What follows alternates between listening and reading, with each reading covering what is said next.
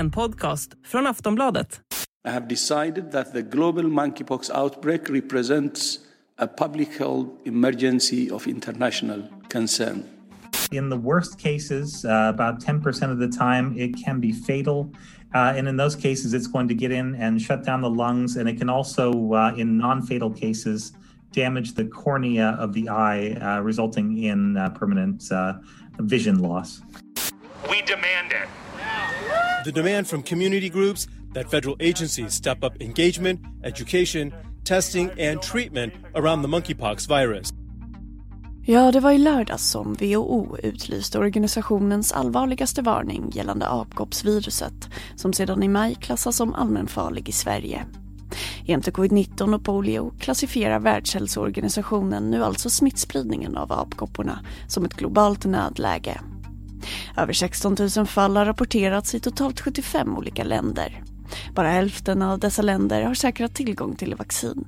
Och även om sjukdomen ofta är lindrig har flera personer dött i det nuvarande utbrottet.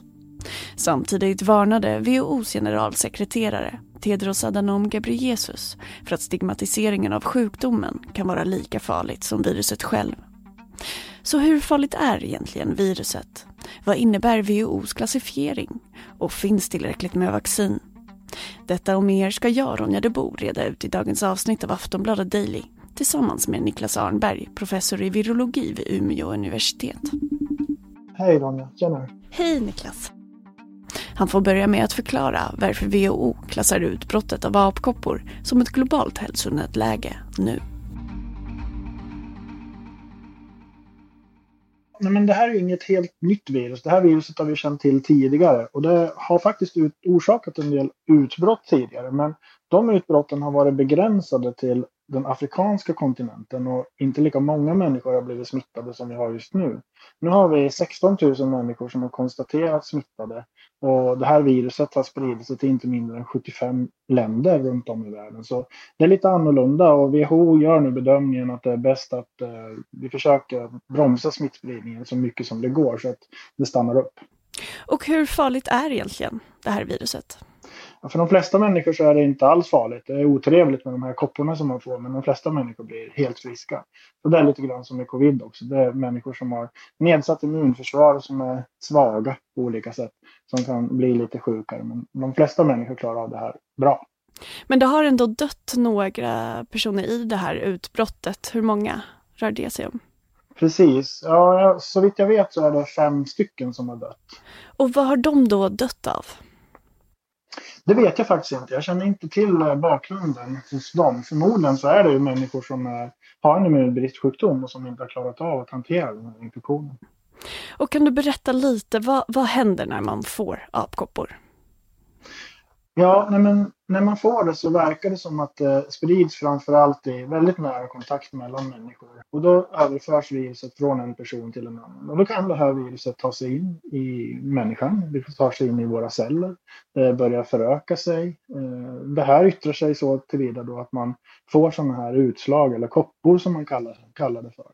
Och där i har eh, viruset förökat sig och bidrar till att eh, man blir sjuk helt enkelt. Och viruset kan också ta sig in i andra celler i andra delar av kroppen som gör att man får feber, man känner sig hängig, man blir trött och sådana klassiska influensasymptom också.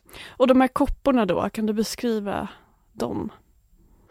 De ser ut på ett liknande sätt som vattkoppor kan man säga som då orsakas av ett annat virus. Så de kan bli ganska stora. Eh, det blir inflammerade eh, utslag på huden.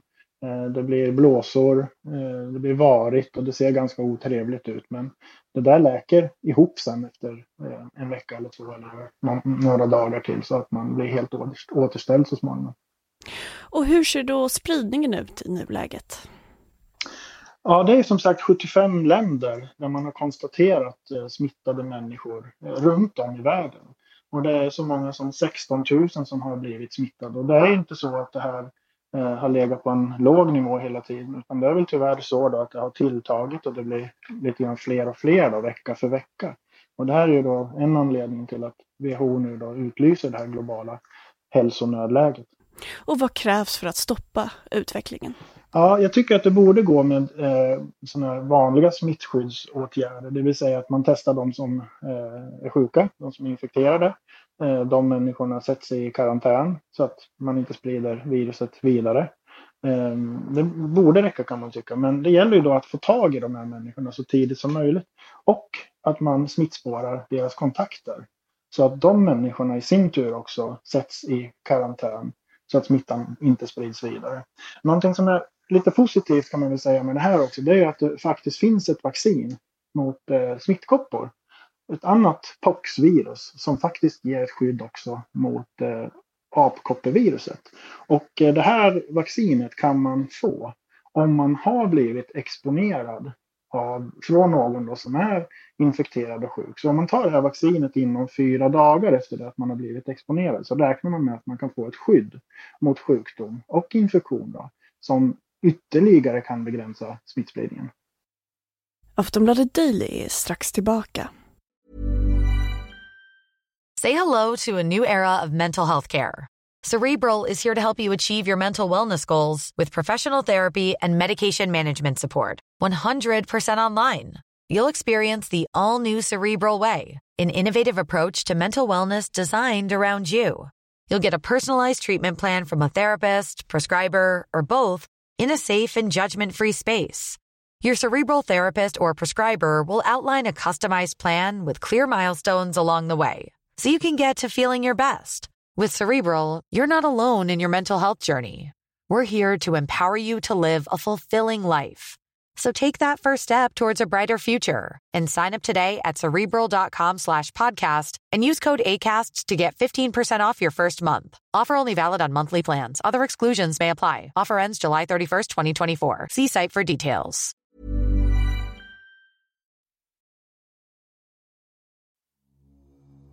Folkhälsomyndigheten hoppas på att starta vaccineringen mot apkoppor den här veckan. Sverige har nämligen tilldelat små volymer av ett vaccin som kan användas mot apkoppor genom EUs beredskapsmyndighet HERA. Samtidigt rekommenderar Europeiska läkemedelsmyndigheten, EMA, sedan i fredags att använda ett annat liknande vaccin, Invanex, mot apkoppor. Så vad kan det komma att innebära? Vi hör Niklas Arnberg igen. Ja, det innebär att man får ett verktyg till för att begränsa smittspridningen till eh, människor som är i riskzonen så att säga och som kan tänkas bli exponerade för eh, det här viruset och den här sjukdomen. Så det är ju positivt att man har ett verktyg till som kan bidra till att begränsa smittspridningen och hindra eh, människor, eh, förhindra så att människor blir svårt sjuka. Sverige har fått vaccindoser som ska räcka till ungefär 1500 personer. Eh, räcker det här? Ja, det tycker jag nog. Eh, så som eh, smittspridningen är i Sverige just nu. Det är inte så många människor som har blivit konstaterade infekterade med det här viruset. Så jag tycker nog att eh, det är tillräckligt på kort sikt i alla fall. Skulle det sen då visa sig att det blir väldigt många människor som blir infekterade med det här viruset så antar jag att man då kan skaffa ännu fler doser. Men här och nu så verkar det som att det, det räcker. Som du uppmärksammade i en tidigare intervju är det här alltså det sjunde globala nödläget som WHO utlyser under de senaste 13 åren och alla har orsakats av virus. Hur kan det ha blivit så? Ja, men först och främst så har den här gruppen som WHO har, som har i uppdrag att utlysa globala nödlägen, de har inte funnits så himla länge. De har funnits i 15-20 år. Så de har liksom inte haft möjlighet att uh, utlysa globala nödlägen tidigare. Men anledningen till att det nu är så många nödlägen och att alla har orsakats av virus kan ju dels ha att göra med att vi människor blir fler och fler. Vi är snart 8 miljarder människor på jorden. Vi reser på ett sätt som vi aldrig tidigare har gjort. Vi skövlar regnskog, vi utarmar biologisk mångfald. Så vi exponerar oss för virus som finns ute i naturen på ett helt annat sätt än vad vi har gjort tidigare. Och det kom ny forskning här nu som publicerades i en tidskrift som heter Nature eh, för någon månad sedan. Där man konstaterar, eller i alla fall beräknar att vi under de kommande 50 åren kommer att exponeras för inte mindre än 4000 så kallade zoonotiska event. Det vill säga där virus kan korsa artbarriären och hoppa från djur till människor och potentiellt då börja föröka sig i, och spridas mellan människor. Nu innebär ju inte det att vi kommer att drabbas av 4000 pandemier eller utbrott egentligen, men risken ökar för att virus korsar artbarriären och börjar orsaka sådana här utbrott som kan leda till pandemier i värsta fall. Så det är väl en förklaring till att eh, WHO har utlyst fler och fler globala nödlägen som då alla orsakas av virus. Och hur reagerar du på den här utvecklingen? Ja, det blir som ett eh, ytterligare bevis för att vi måste tänka lite annorlunda kring eh, riskerna som följer med virusinfektioner och virussjukdomar. Eh, vad vi inte riktigt pratat om så mycket förut innan den här pandemin, det är ju allt annat elände som vanliga virusinfektioner, kända virus, vad de orsakar för problem hos människor varje, och samhället och sjukvården. För nästan varje år, även innan pandemin, så har sjukhus försatts i stabsläge på grund av till exempel influensa. Det kan vara RS-virus eller vinterkräksjukevirus eller andra förkylningsvirus. Virus orsakar cancer, virus ökar risken för hjärt-kärlsjukdomar. Vi har tidigare inte pratat om de här sakerna speciellt mycket, men vi måste börja göra det mer. Så tyvärr är det väl så att riskerna för att WHO kommer att tvingas utlysa fler globala nödlägen som orsakas av virus tyvärr då ökar. Så jag tycker ändå att det är bra att man utlyser det här globala nödläget så vi får en chans att diskutera de här frågorna så att vi kan förbereda oss och, och utveckla vår beredskap kan man säga mot virusutbrott och pandemier. Och hur ser du på utvecklingen av apkoppsviruset? Jag tycker väl att det är lite grann oroväckande förstås att vi har så många människor som har blivit infekterade och att det här viruset har spridit sig till så många länder. För det har vi aldrig sett förut.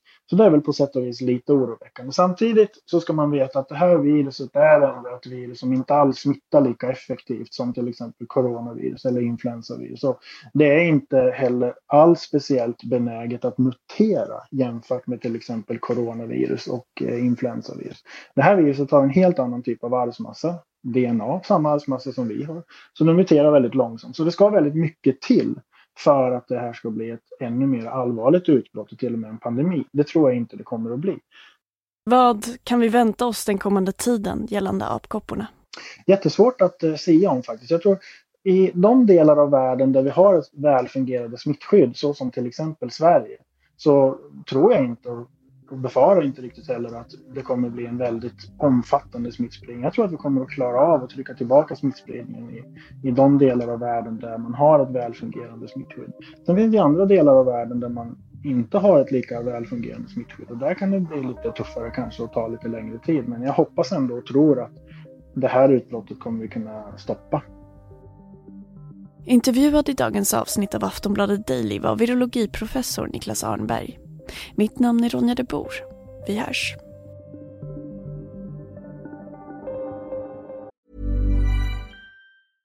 Ryan Reynolds här från Mint Mobile. Med priset på nästan allt som går upp under inflationen, trodde vi att vi skulle bring våra priser prices down. So to help us, we brought in a reverse auctioneer, which is apparently a thing.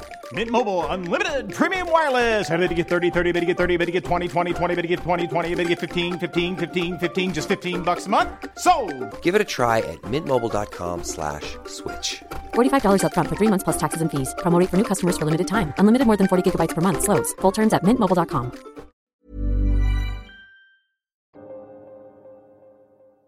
Du har lyssnat på en podcast från Aftonbladet. Ansvarig utgivare är Lena K Samuelsson. Tired of ads barging into your favorite news podcasts? Good news. Ad-free listening is available on Amazon Music. For all the music plus top podcasts included with your Prime membership. Stay up to date on everything newsworthy by downloading the Amazon Music app for free or go to amazon.com slash news ad free.